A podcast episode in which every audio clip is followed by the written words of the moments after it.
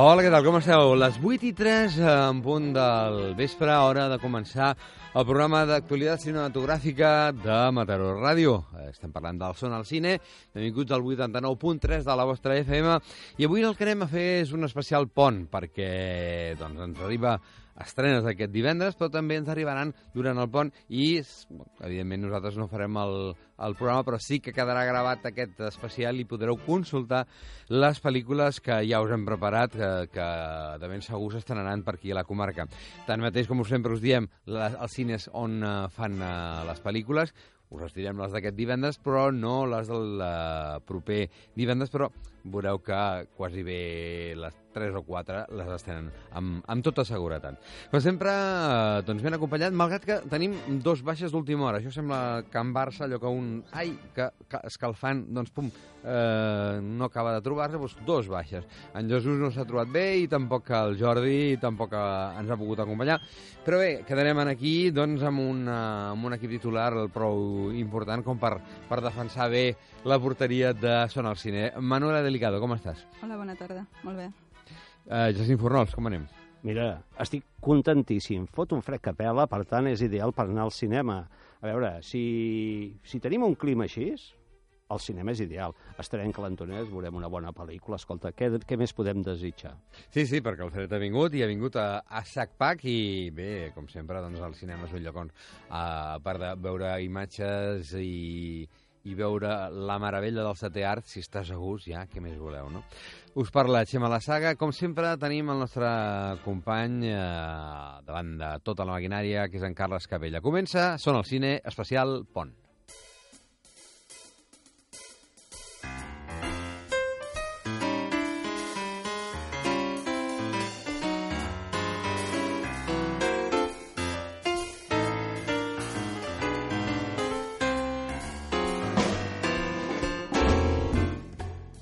Molta atenció, perquè tenim moltes pel·lícules, hem agafat 12, eh? 12 per, per, perquè s'estrenen eh, entre l'1 de desembre i el 8 de desembre. Anem a començar primer amb el 1 de desembre, i una que ens arriba a Mataró, que ens arriba a Ocine Arenys, que ens arriba a l'Icària.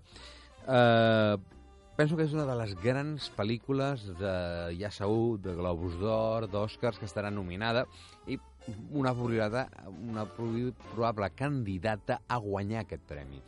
Uh, estem parlant de Coco, una pel·lícula animada de Pixar i de Walt Disney eh, que passa tot de Mèxic, que està tot arrelat amb les tradicions més mexicanes, que ens parla dels morts, que ens parla dels morts però d'una manera eh, molt eh, tranquil·litzadora, eh, d'una manera que ens encanta perquè aquesta pel·lícula eh, es doncs podeu anar amb els vostres fills una mica grans, no porteu anar amb 5 anys, eh, i bueno, una de les, un dels tabús absoluts de la nostra societat occidental, doncs eh, en aquesta pel·lícula es veu reflectit d'una manera molt, molt, molt clara i com eh, sempre ho han fet en el, en el món mexicà.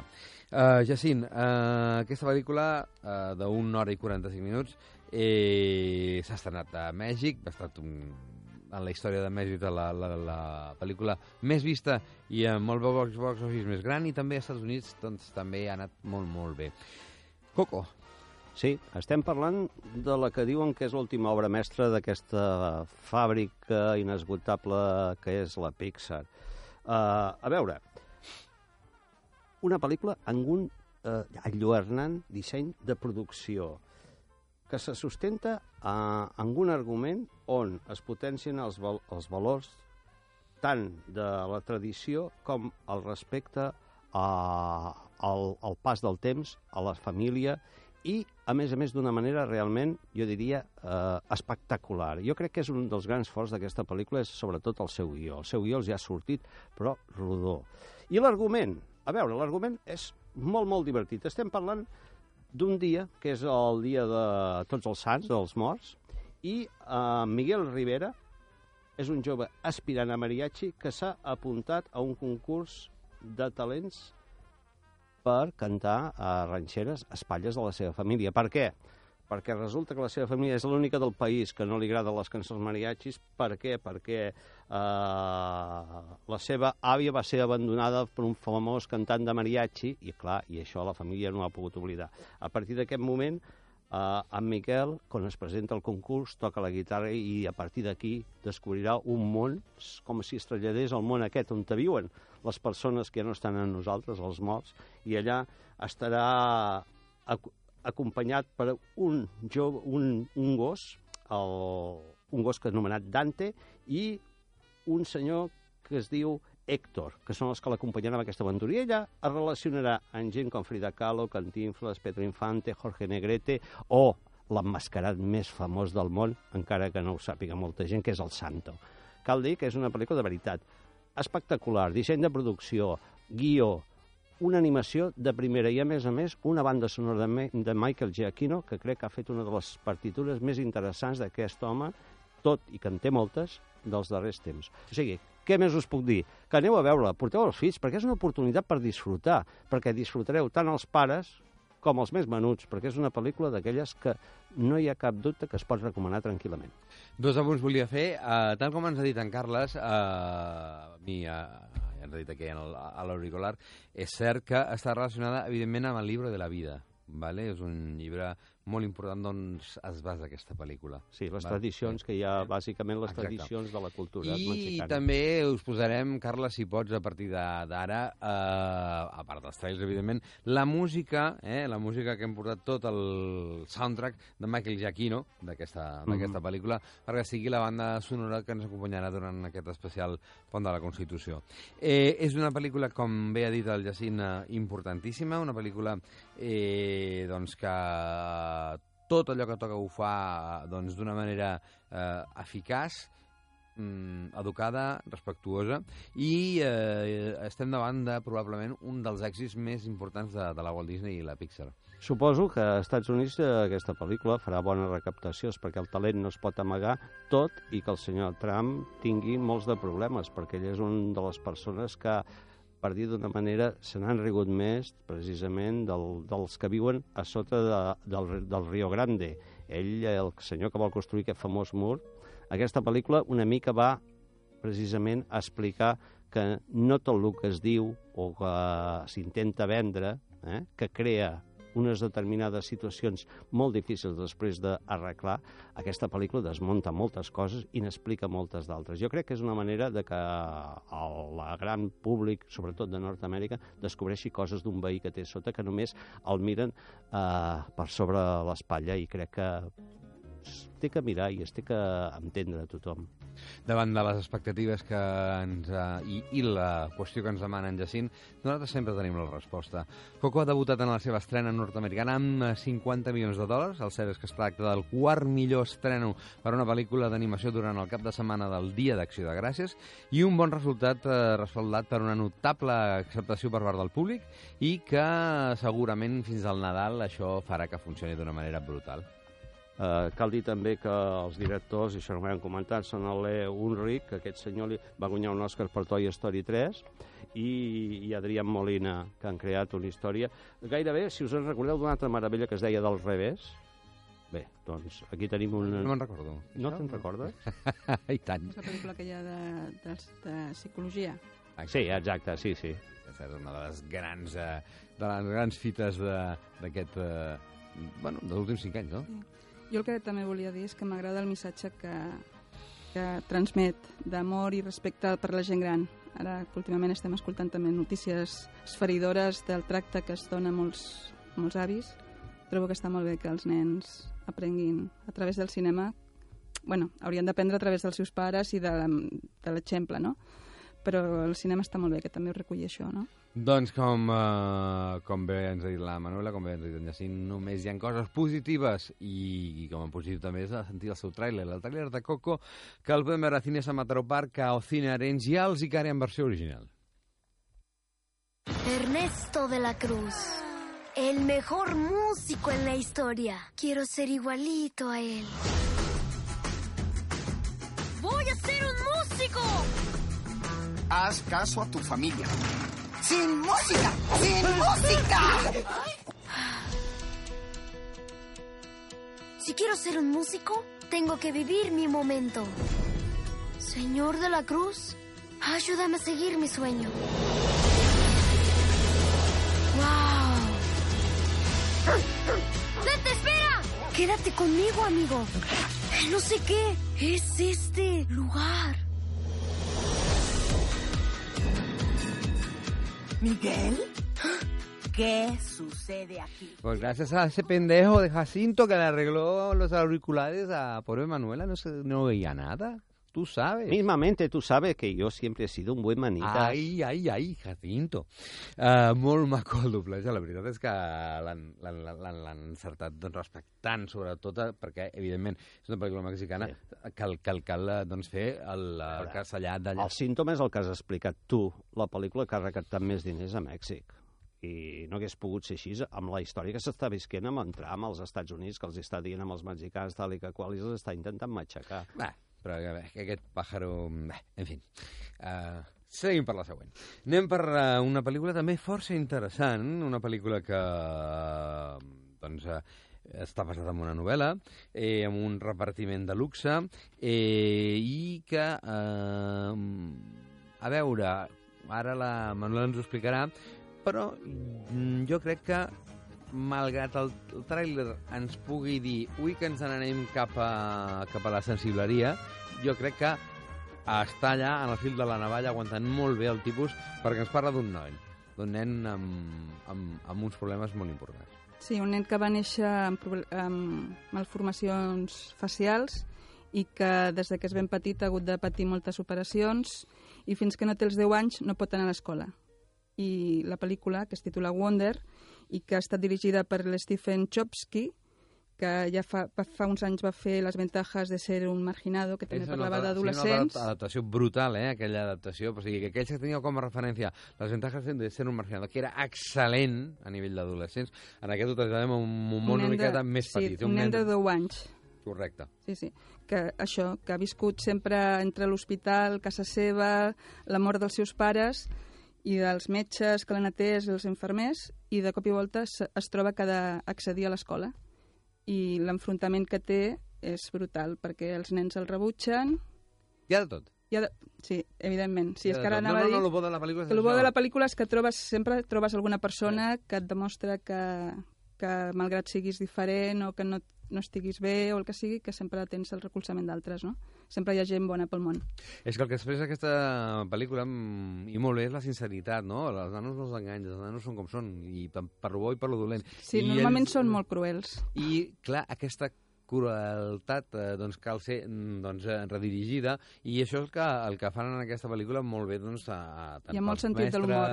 amb molt de sentit de l'humor un gran paper de, eh, els pares, el Julia Roberts i el Owen Wilson que estan francament bé Sí. no? I el nen és el Jacob Tembley, que és el nen de l'habitació. Sí. Sí, que torna Sí. a demostrar, com ja va demostrar amb aquella pel·lícula, que sap interpretar molt aquest nano, eh? Sí. Ull, no sé si s'espatllarà, perquè n'hi ha molts que comencen... Sí, sembla que sigui el nou Hail- Hailey Joel Osment, no?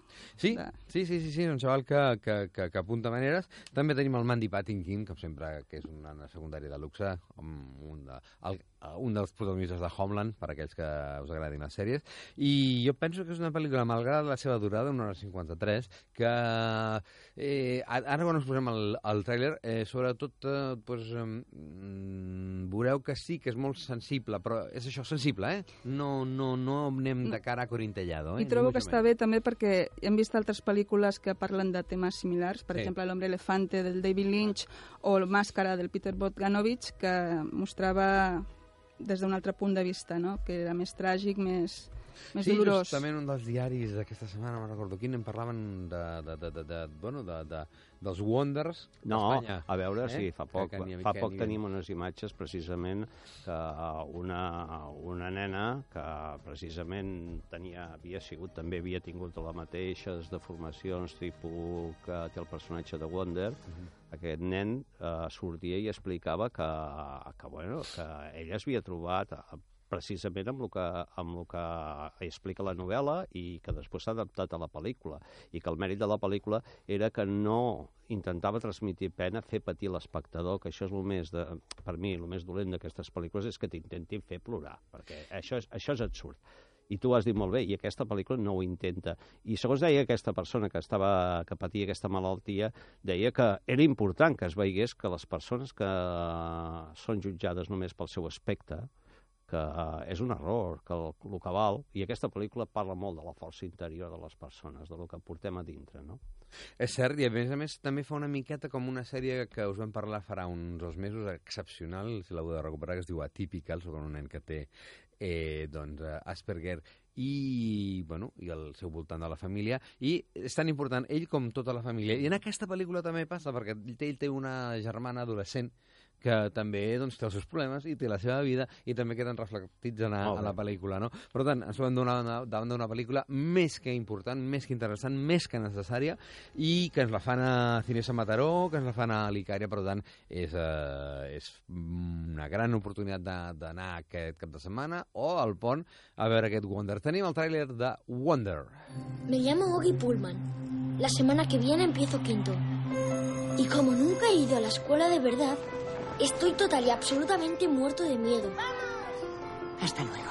Oye, es mejor que no entres ahí con tus padres, porque eso no mola. Pero tú molas. Eso ya lo sé, pero en general los padres no molan. Y tampoco estos cascos. Por favor, señor, que sean buenos con él. Sé que no soy un niño de 10 años normal. He pasado por 27 operaciones. Me han ayudado a respirar, a ver, a oír sin audífono, pero ninguno ha conseguido que parezca normal. La incubadora, mecheros Bunsen. Ah, y esto es un borrador. ¿Sabes lo que es un borrador, verdad? Mirad qué cara, nunca había visto nada tan feo en mi vida. Te juro que si yo tuviera esa pinta me pondría una capucha en la cara. Ya sé que a ti no siempre te gusta, pero a mí me encanta. Es la cara de mi hijo. Tú no eres feo, Oggy. Eso lo dices porque eres mi madre. Como soy tu madre, es lo que más cuenta, porque soy la que te conoce mejor. Doncs aquest és el trailer de Wonder, aquesta segona estrena d'aquest eh, cap de setmana llarguíssim que, eh, bueno, evidentment, per això ho fem a l'especial Pont, no? Pont de la Constitució, que s'estrena aquest 1 de desembre. També s'estrena aquest 1 de desembre Dos padres por desigual. A veure, no, no, no canvieu el 89.3, perquè ja sé que és una pel·lícula que probablement no us porti molts al cinema, allò en manada, eh, però que sí que té el seu públic. Daddy's Home 2, eh, o sigui, és una segona part, és una seqüela, eh, però, a veure, en parlem-ne, perquè sí, evidentment tenim el Will Ferrell i el Mark Wahlberg, eh, que ja van estar en la primera part, i ens parlen que s'han unit per oferir als seus fills una, un Nadal perfecte, no? Recordem que com entrem ja en el món del Nadal, ens comencen a arribar ja les pel·lícules del Nadal. Però aquest nou equip es posarà a prova quan el pare amb, amb mala bava del Dusty, el Mel Gibson, i el papa ultra tendre i carinyós de Brad, el grandíssim John Litwood, arribin per convertir les vacances eh, nadalenques en un complet caos, ¿vale? Eh, bé, eh, és una pel·lícula doncs, que és una miqueta surrealista, a vegades una miqueta tonta, però a vegades també doncs, amb alguns gags eh, que, que es deixen portar. I sobretot cal dir que, bueno, mm, davant de dos eh, super... Eh, Mark Wahlberg i Will Ferrell ja sabem que són molt bons actors, no? Ja sortien a l'anterior. Però Mel Gibson i John Lithgow penso que li donen un punt mm, de, de més per poder aprovar aquesta pel·lícula. Jacint i Manuela, jo penso que almenys el poden fer que, bueno, mm, donar-li una miqueta d'una pinzellada més, més divertida. A veure, el que sí que és cert és que la combinació és explosiva. A veure, juntar tots aquests actors eh, amb seqüències còmiques, amb vis còmiques, caldrà veure com se'n surten, perquè la primera part eh, a mi va semblar una, una primera part força desigual, però a veure, aquesta vegada la introduir, la introduir el John Lightfoot i el Mel Gibson, a veure, parlarem, en veurem. Veurem a veure com els hi funciona aquesta segona part. De totes maneres, té el seu públic, jo estic segur que estarà dintre les 10 més vistes. Sí, segur, No en segur. tinc cap mena de dubte, eh? Sí, sí. Eh, l'estrenen a Cinesa Mataró Park, l'estrenen a Ocine Arenys, per tant, nois, ho tenim molt bé, per veure eh, aquesta pel·lícula de la qual ara us oferim el tràiler. Dos padres por desigual. ¿Sabes qué? No hay nada mejor que ser un copapá. Y que lo digas, Brady. Dos familias trabajando como un equipo unido. ¿Estás bien? ¡Estoy bien! Eh, chicos, tengo una super sorpresa. Nada de ir de aquí para allá en Navidad. No vamos a ir de aquí para allá. Acabo de decir eso. Una Navidad juntos, como una familia ¡Una normal. Navidad juntos! Una- Diga, el abuelo Kurt. Se va a cachondear de todo lo que hagamos. Nada le parece lo bastante bueno. Tu padre no conoce al nuevo Dusty. ¿Quién no se quedaría impresionado contigo? Oh, santo Dios. Esto va a sonar raro, Dusty, pero es guapísimo. Aquí tienes. ¿Por qué no vas a por el coche y te esperas? Amb aquesta banda sonora de surt Thunderstruck d'ACDC i un petit homenatge per al gran Malcolm Young que ens va deixar i ha deixat orfa aquesta grandíssima banda que a més a més ha col·laborat en moltes pel·lícules. Anem cap a la següent uh, pel·lícula, El sacrifici d'un ciervo sagrado. A veure, un nom molt, molt, molt eh, especial, però una pel·lícula especial, però una pel·lícula eh, que té molts de premis, però una pel·lícula que us farem anar a l'Icària, i si no els tenéis a Iron City o si no al Verdi, perquè val molt la pena. Parlem del director. És un senyor que, personalment, a mi, després parlarà la, la Manola i Jacint, eh, quan jo, el 2009, vaig anar a veure una pel·lícula que es deia Canino, eh, vaig flipar en colors. Vaig dir, què m'està explicant aquest pàjaro? Eh, em va deixar eh, eh, garrativat per tot el que veia i el ben explicat que ho va fer allà i, bueno, és que increïble, no? Després l'hem pogut veure amb Alps, l'hem pogut veure amb Langosta, i ara, doncs, eh, torna a repetir amb el Colin Farrell i Nicole Kidman i Barry Keoghan eh, per fer aquest thriller psicològic amb tints eh, sobrenaturals que ens explica una història més que curiosa. Ens parla de Steven, un eminent eh, cirurgià casat amb Anna, una respectada oftalmòloga, viuen feliços amb els seus dos fills, Kim i Bob. Quan Steven eh, doncs, eh, agafa amistat amb Martin, un noi de 16 anys sense pare, a qui decideix protegir, els, els aconteixements eh, donaran un gir sinistre. Steven tindrà que escollir entre cometre un impactant sacrifici o arriscar-ho a perdre-ho tot. Ja no podíem més perquè faríem spoilers.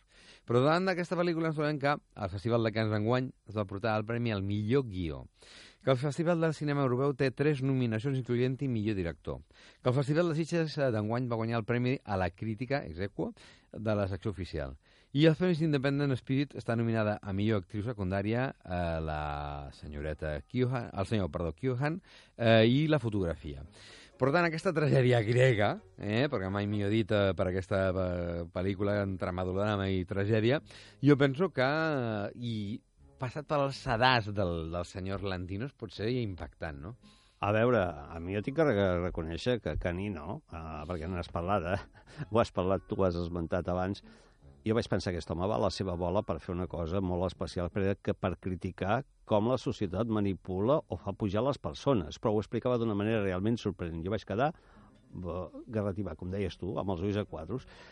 I aquesta pel·lícula ha fet un gir, aquest home, eh? Ara ens presenta una pel·lícula tipus eh, thriller, psicològic, voldria però que en el fons és una tragèdia grega, com molt bé has dit, però passada pel sedàs del senyor Haneke. O sigui, si aneu a veure això, aneu a veure una pel·lícula, agafeu-vos fort a la butaca, perquè eh, és una pel·lícula que se les porta. Eh?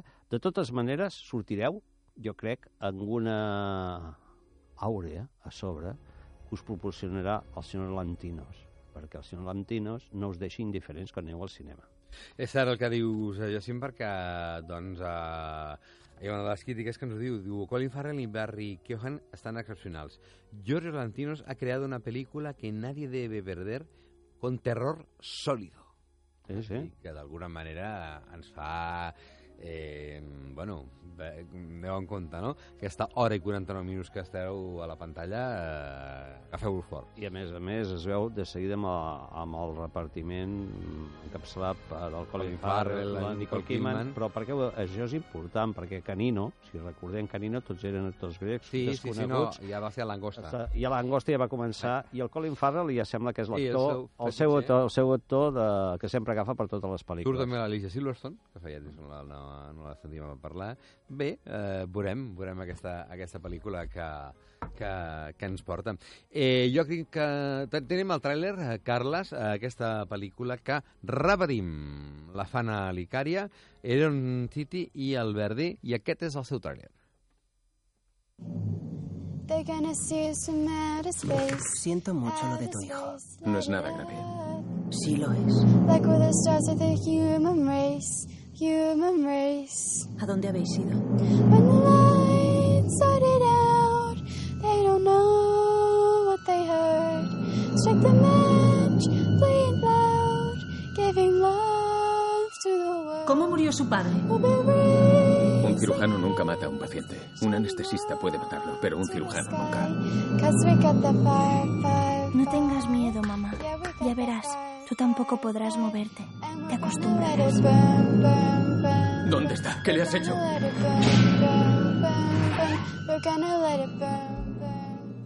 Bé, eh? Aquesta barreja de música absolutament actual amb unes interpretacions eh, sinistres, més no poder. Doncs això és el sacrifici d'un ciervo sagrado, eh? Que falta gent. Següent pel·lícula que ens arriba a l'1 de desembre és Perfectos Desconocidos. A veure, aquesta pel·lícula és, una, és un remake. És un remake d'una pel·lícula italiana que va funcionar molt bé a Itàlia, i en aquest cas, qui s'ha encarregat de portar-la a terme és l'Àlex de la Iglesia. L'Àlex de la Iglesia, amb la col·laboració del seu guionista habitual, el Jorge Guerrica Echeverría, doncs acometen el remake d'aquesta eh, cinta italiana triomfadora dels David de Donatello del 2016, que se'n van portar un fotiment. I, eh, bé, ens explica una cosa, si més no, no és, no és curiosa, sinó molt, molt, molt clara, no? Tot una, unes quatre parelles, més o menys, eh, aproximadament, eh, doncs, 40, 30, vale? eh, que van a sopar a casa d'un i un d'ells diu escolta, saps què? Si com, com som tan amics, tan amics, i ja estem infarts de parlar de tantes coses, eh, deixem els mòbils aquí, sobre la taula, no els posem eh, sense son o no, amb el so, i, bueno, ara veurem si algú té algun secret que amagar i allà tothom. Jo, secrets, que m'estàs dient jo, però sí, puf, pa, pum. I hi ha un telèfon que s'engega i el primer secret que es revela a tots els eh, convidats. I a partir d'aquí, doncs bé, eh, el, que, el, que, el que succeeix, no?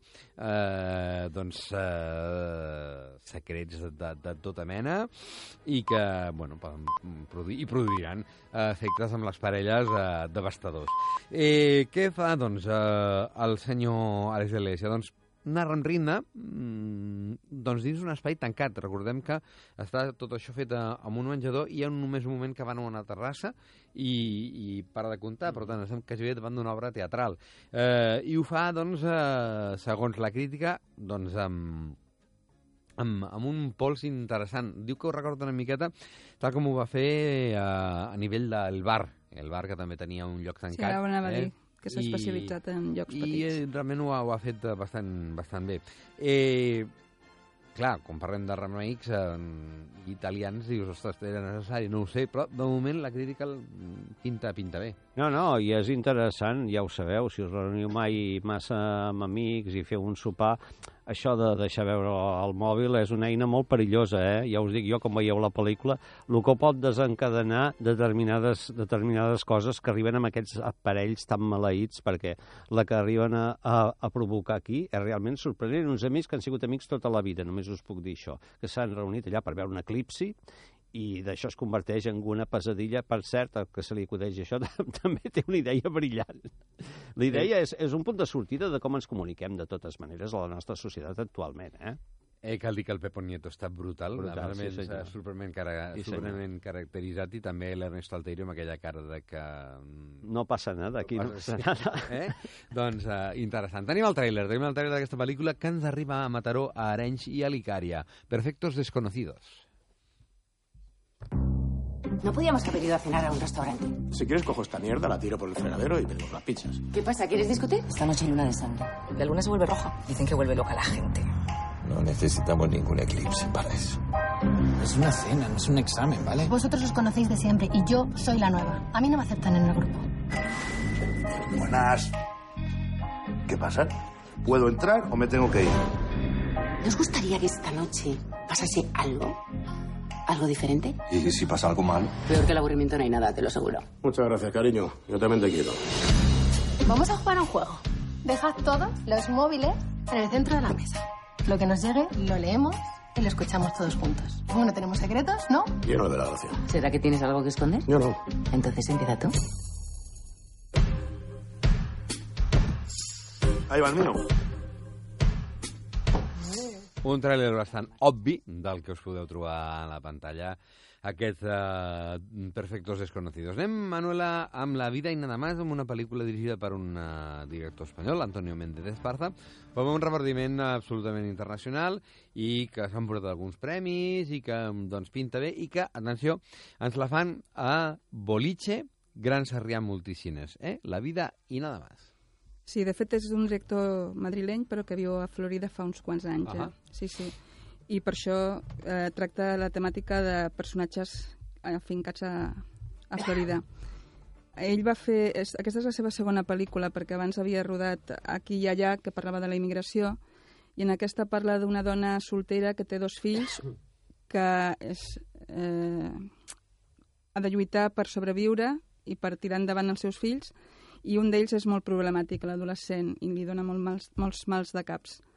Aquest eh, director és molt admirador dels germans Dardenne i el seu cinema té moltes reminiscències d'aquests directors. És gairebé documental. Pel·lícula que té bona, bona pinta, eh? La veritat de Sant Sebastián es va presentar i el Independent Spirit Awards eh, nominada actriu doncs, eh, la Regina Williams i, el, sí. i també el Premi John Cassavetes. Uh -huh. O sigui que... Una bona important. carta de presentació per una pel·lícula que ens mostra que la societat nord-americana té molts de problemes perquè tothom pugui encaixar dintre. Eh? Hi ha una cosa que és certa, que el, el fet és que el, la persona aquesta, tot i que s'infla de treballar dia darrere dia, uh, no aconsegueix no aconsegueix mai, mai arribar a final de mes, i això és molt dur. En una societat que en teoria és l'economia més poderosa del món, mm, mal, mal va que persones no puguin encaixar. I això jo penso que ho explica molt bé aquest director. Interessant l'apo- l'aposta que fan a Boliche, Gran Sarrià Multicines, amb La vida i nada más. Ens anem cap a Bulgària. Per què? Perquè allà fan bon cinema. En aquest cas ens arriba Posok i Di- Directions, en aquest cas aquí l'han traduït per Destinos, pel·lícula que podem veure en el Boliche. Uh, un cinema poc conegut, el romanès el coneixem una mica també, s'ha arribat bastant més en aquí a l'estat, però uh, jo penso que la, uh, l'argument és prou atraient com per, per passar-vos-hi. Sí, abans parlàvem del problema de la- d'una de les societats més opulents, però, opulents, però estem parlant ara de la societat búlgara, que també té uns problemes realment brutals. O sigui, eh, en tots lados cuecen habas, que diuen. A veure, eh, la història és molt interessant i l'ha dirigit amb mà mm, ferma a l'Stefan Com Komandarev, un director que, per cert, amb aquesta pel·lícula ha aconseguit, ha aconseguit un reconeixement internacional, ja que s'ha presentat, ha sigut escollida per participar en el Festival de Canes a, en Serregar, una certa mirada, i va anar al Festival de Gijón eh, també a la secció oficial a concurs. Ens explica que en una reunió un ban, un ban, una reunió amb el seu banquer, l'amo d'un petit negoci que es guanya la vida conduint un taxi descobreix que té que pagar un suborn per obtenir un préstec. Ja El comitè, el comitè que li, que li té que aprovar això li fa extorsió i li vol cobrar això. I ell, fora de, de, del pes dels estreps, i mata i mata el banquer. Aquest incident té una repercussió a nivell nacional i demostra en quina situació es troba la societat en aquest moment, en què hi ha molta corrupció, en què tothom té que pagar per aconseguir accedir a determinades coses que són normals, que haurien de ser completament normals. I la realitat és que l'esperança que queda és que amb el temps tot això pugui canviar i es pugui millorar.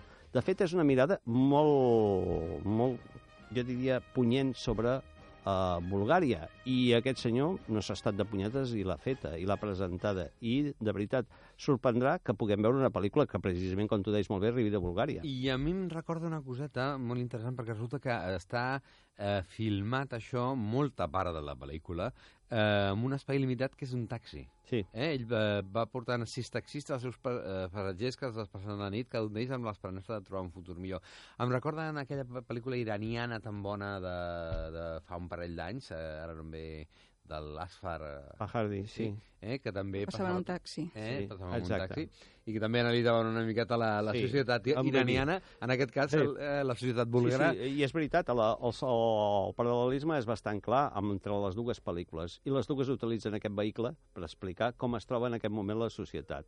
I fa poc que tenim una vaga de taxistes, fa poc. Ahir. dir, home, Ahir a la tarda, jo ahir crec que tot el dia. el gremi hauria d'anar potser a veure aquesta pel·lícula.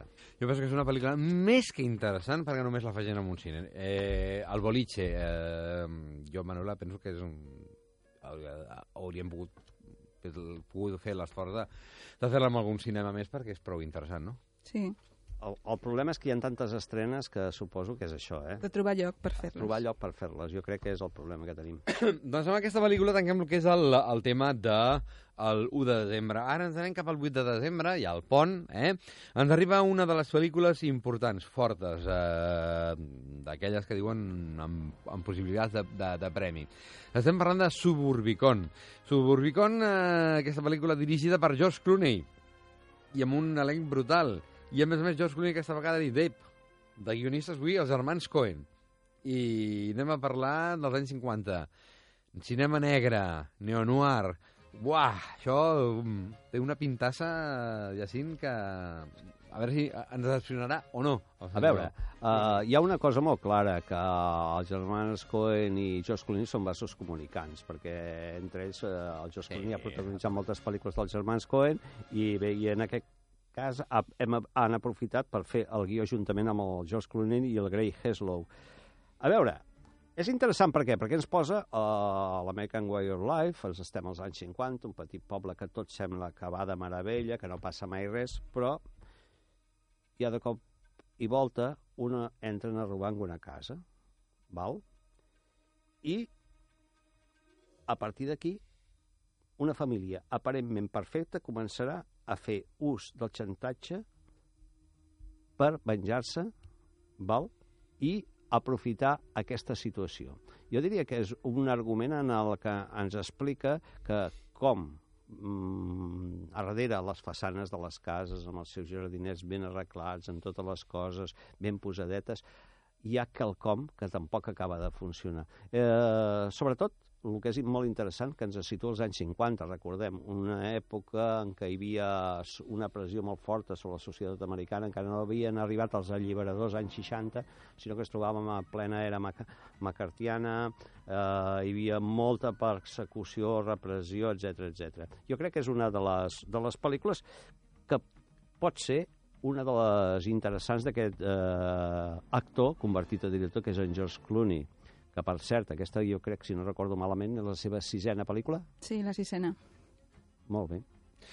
I també, també tracta el tema del racisme, també. Sí, I la xenofòbia. La xenofòbia, no? A través d'aquesta petita comunitat, on totes aquestes coses es dissimulen, es, és com si no existís res, i està, està qualsevol cosa fa que surti i, i es manifesti d'una manera ferotge. Eh, La gent de Cine ens ha dit eh, que, que, que reconeix la petjada dels Coen en els elements de cinema negre de la trama, eh, però que també hi ha pinzellades de Perdición, del cartero llama siempre dos veces, eh, també coses de Fargo, algunes cosades d'Alfred Hitchcock, eh, la banda sonora de l'Alexander Desplat, que clarament s'inspira en alguns moments de Bernard Herrmann. Eh. Eh, o sigui que tenim aquí... I hi ha un repartiment. Un ho de luxe. de- sí. Matt Damon, Julian Moore, eh, Oscar- Isaac i Glenn Fleischer, entre d'altres, eh, fan doncs, un, un luxe de, de, de pel·lícula. Eh, segur que arribarà a la comarca, no us preocupeu. Segur que arribarà a la comarca i el que és que ho haureu de, de mirar doncs, eh, de consultar. La següent pel·lícula que també segur que arriba a la, a la comarca és Malas Madres 2. Bé, us havíem parlat de dos padres por desigual. Aquella la salvàvem. Aquesta jo ja no sé si la podrem salvar, perquè és una seqüela, ¿vale? és una seqüela... De Males Madres. de Males Madres, evidentment, però aquí, en Males Madres 2, El Gran Desmadre, en realitat el títol original és A Bad Mom's Christmas, també aprofitem el, el moment nadalenc, amb la Mila Kunis una altra vegada, amb la Kristen Bell, la Catherine Hahn, Susan Sarandon, Justin Harley i o Ona Lawrence, entre d'altres. Què passa doncs, d'aquesta comèdia negra? De Nadal? Uh, que l'Amy, la Kiki i la Carla, unes mares poc valorades i sobrecarregades de tasques, es rebel·len contra els desafiaments i les expectatives que genera el que és una espècie de Super Bowl per les mares a Nadal. Com si crear les perfectes vacances per a les seves famílies no fos suficient, rebran la visita de, seu, de les seves respectives mares. I a partir d'aquí, doncs bé, diàlegs explosius, acudits que funcionen, eh, ruïdosa, una miqueta esbojarrada, eh, una miqueta més indulgent que l'original, una miqueta esgotadora, però bé, si us va agradar la primera, jo penso que aquesta Males Matèries 2 doncs, pot ser un bon eh, eh, entreteniment per, eh, per, un, per una tarda allò plàcida i sense voler pensar gaire. El que passa que quina pèrdua de repartiment, no? Perquè... Sí. Bueno, a vegades, com dèiem, a vegades amb en Jesús i Jacint, a vegades fan caix, saps? Vull dir, allò... Sí, sí, cinema alimentici, Sí. que diuen. Exacte, exacte. Eh, anem per la següent pel·lícula, Corazón Puro. Veiem aquesta pel·lícula italiana. Interessant, interessant aquesta pel·lícula italiana perquè eh, es va presentar a Sevilla i eh, bueno, es mostra que més enllà del Paolo Sorrentino i les comèdies a la italiana en els últims anys el cinema del país mediterrani eh, doncs, nodrit de nous directors amb òperes primes tan innovadores com l'Intervalo, de Leonardo Di Constanzo, Nina, de Lisa Fuscras, o, en aquest cas, Corazón Puro, que la dirigeix el Roberto de Paolis. Uh, aquí proposa una, una girada de, de, de cargol, ho diem dir, el tal eh, parlat concepte de noi dolent que s'enamora de noia bona i en aquesta injecció d'insulina al adulcorat cinema juvenil. Ahí es parla, doncs, d'Agnesa i Estefano, que són molt diferents. Ella té tan sols 17 anys, viu amb, els, amb la seva mare, i està a punt de fer el vot de castedat fins al matrimoni. Ell és un home de 25 anys, amb un temperament violent i un passat tòrbol. El seu inesperat trobament despertarà un sentiment de puresa, però quan fan l'amor per primera vegada, la il·lusió de puresa d'Agnès es trenca sent que ha traicionat els seus ideals i pren una decisió extrema per intentar borrar el seu. Eh, pel·lícula que té molt bones crí- crítiques, eh, carregada de temes universals eh, mitjançant una mirada profundament humana i sensible, eh, un debut eh, molt aconseguit del director. I un, ens deixa un final obert de la pel·lícula per tocar exactament la nota que deixarà aquesta, bueno, aquest què passarà, no?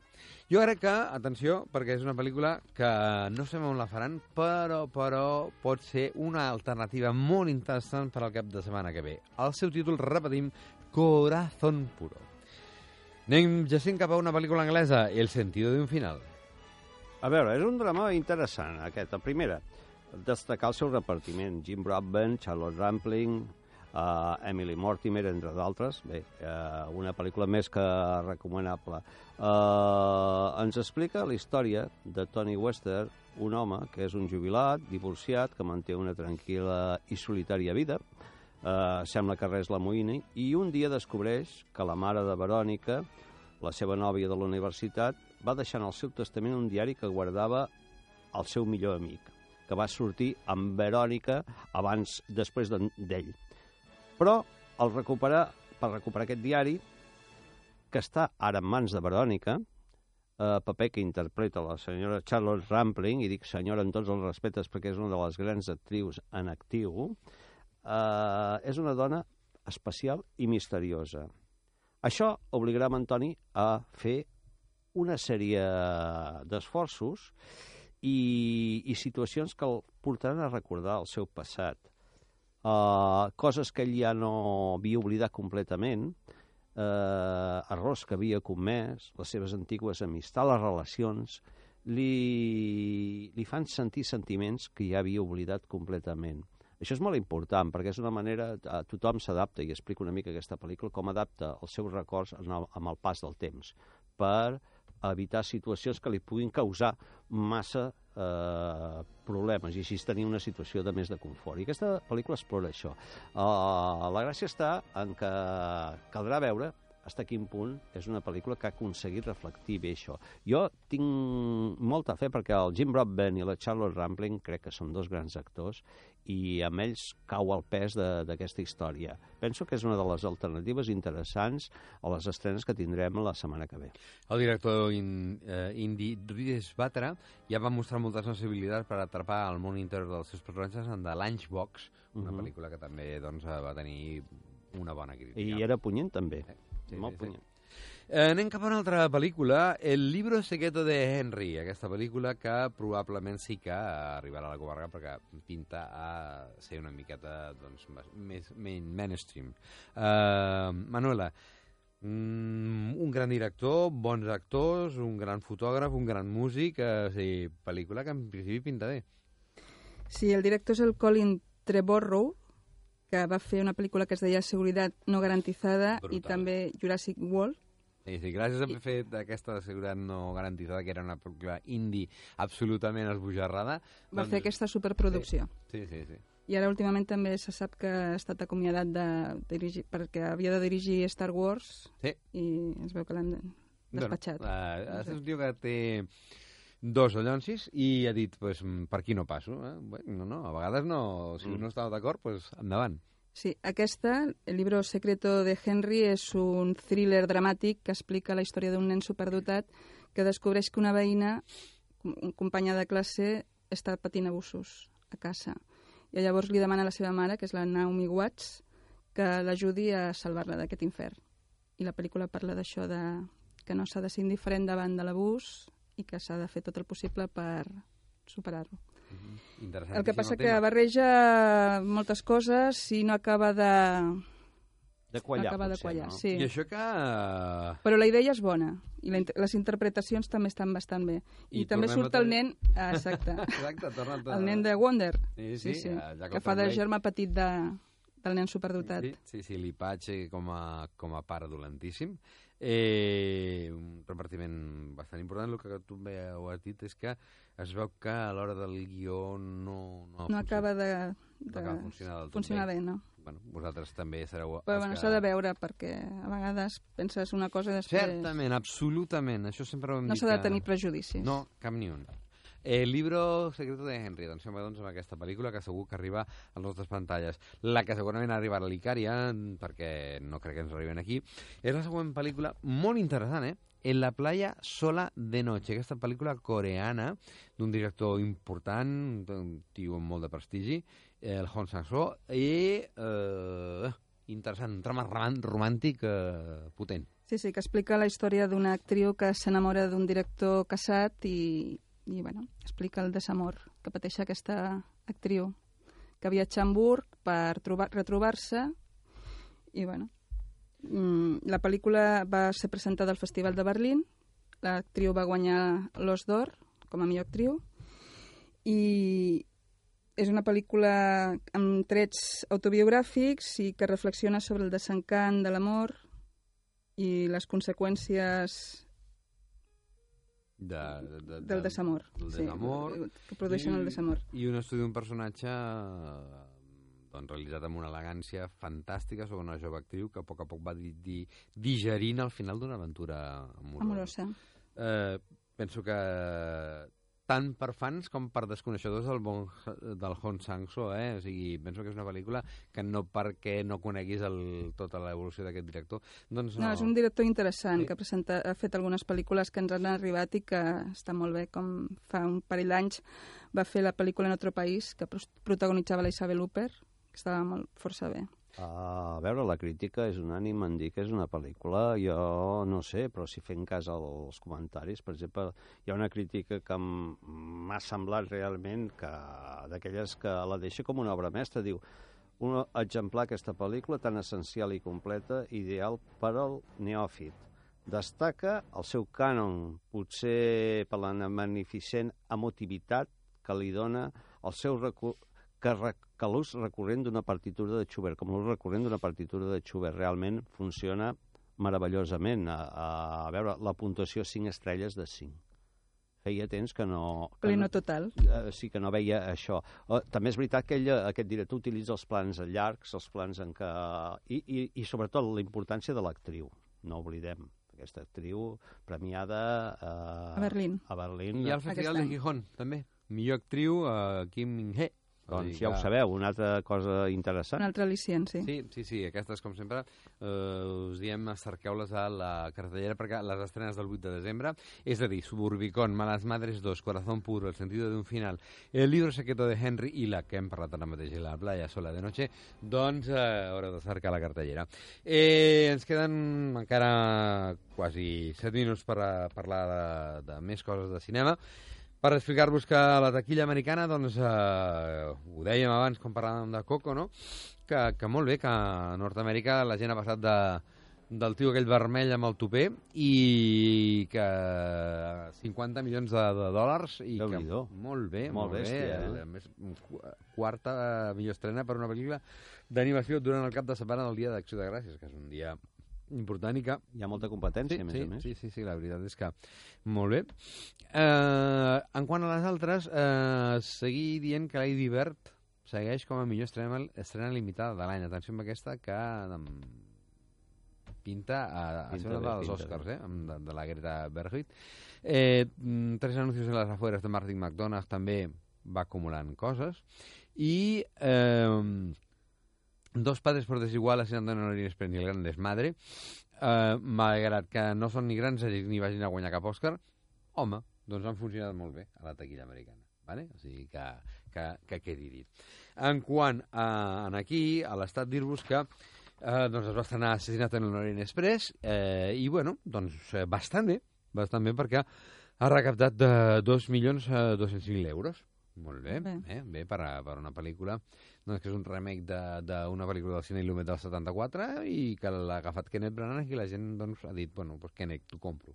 Va, mirem-ho. I bé, jo no l'he pogut anar a veure perquè és una de les que encara, encara tinc pendents, però, però les I té un crítiques- problema, només té un problema. Si tu saps què passa, o sigui, l'assassinat com es produeix, eh, a veure, és difícil aguantar-la. El que passa que si no ho saps, sí que té algun al·licient interessant. I tampoc se li ha tret massa partit a tot el repartiment de luxe que té, eh? perquè penso que està una mica desaprofitat. Ara bé, el problema és aquest, és, és i comparacions sempre són nefastes, Ai, eh? però la del cine Lumet jo la trobo superior a, la del Kenneth Branagh. Això sí, que el que has dit és veritat, que se sap al final, però també sabíem que Titanic s'enfonsava. Sí, però era diferent, perquè el director, tu, i per això dic, la diferència està en que el director, el James Cameron, t'ho va saber explicar molt bé, i, te, i tot i que sabies que allò acabaria enfonsant-se, funcionava molt bé la pel·lícula, el ritme de la pel·lícula que tenia, per entretenir, com a mínim. I, en canvi, aquesta pel·lícula és més complicat, jo ho trobo. De totes maneres, La factura, sembla que la agrada... factura és no, bona. No, la factura és molt bona, la fotografia està molt bé, uh, a veure, és, és una producció de luxe, eh? No ho tenim... Se'ls ha gastat, sí. Sí, ara, mm, a banda d'això, té aquest problema de que, torno a repetir, el cine Lumet donava un ritme diferent a la pel·lícula i era d'una altra manera. Segona posició per Liga de la Justícia, que el porta després de dues setmanes més de 4,5 milions, que està força bé per una pel·lícula irregular, cal dir-ho.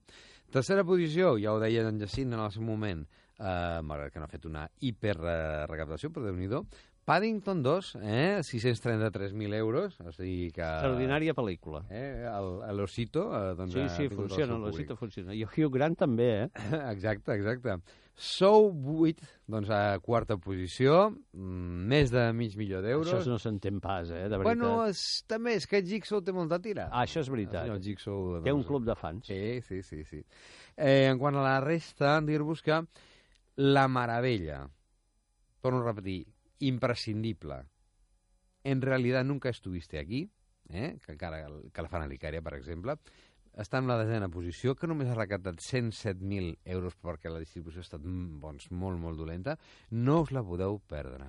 És espectacular, Joaquim Fènix i la Ekaterina Sam Sanov, que Sí, fa la està nena, molt bé, està és molt bé. espectacular. O sigui, una pel·lícula, jo crec que Joaquim Fènix podia optar inclús a, a Per cert, una pel·lícula que es basa molt amb el so del, del líder aquell de Radiohead, que no me'n Eh, recordo. senyor, la, sí, com senyor. ha composat una banda sonora que et deixa...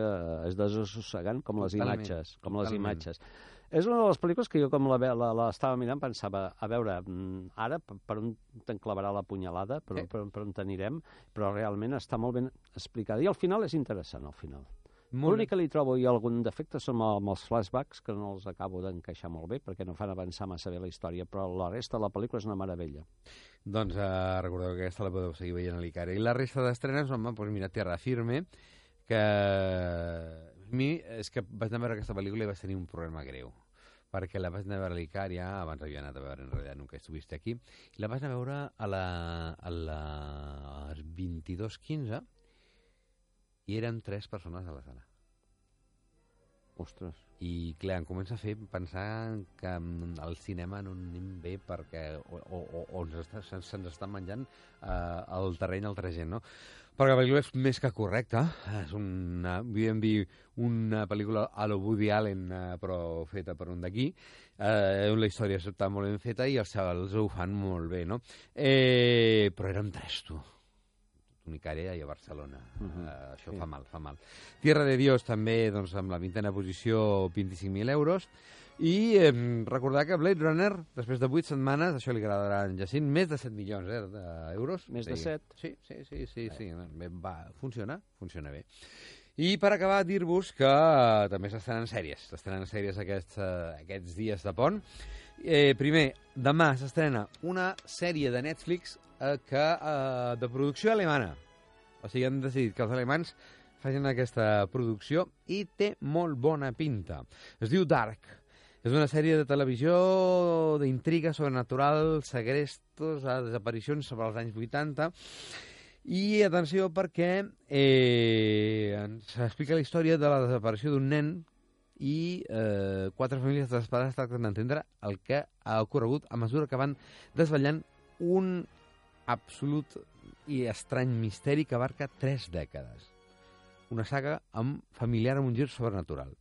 Eh, atenció que està molt ben feta, narrada en 10 episodis d'una hora de duració i pinzellades sobrenaturals i que et porta eh, com a espectador a la mateixa ciutat però en l'any 1986.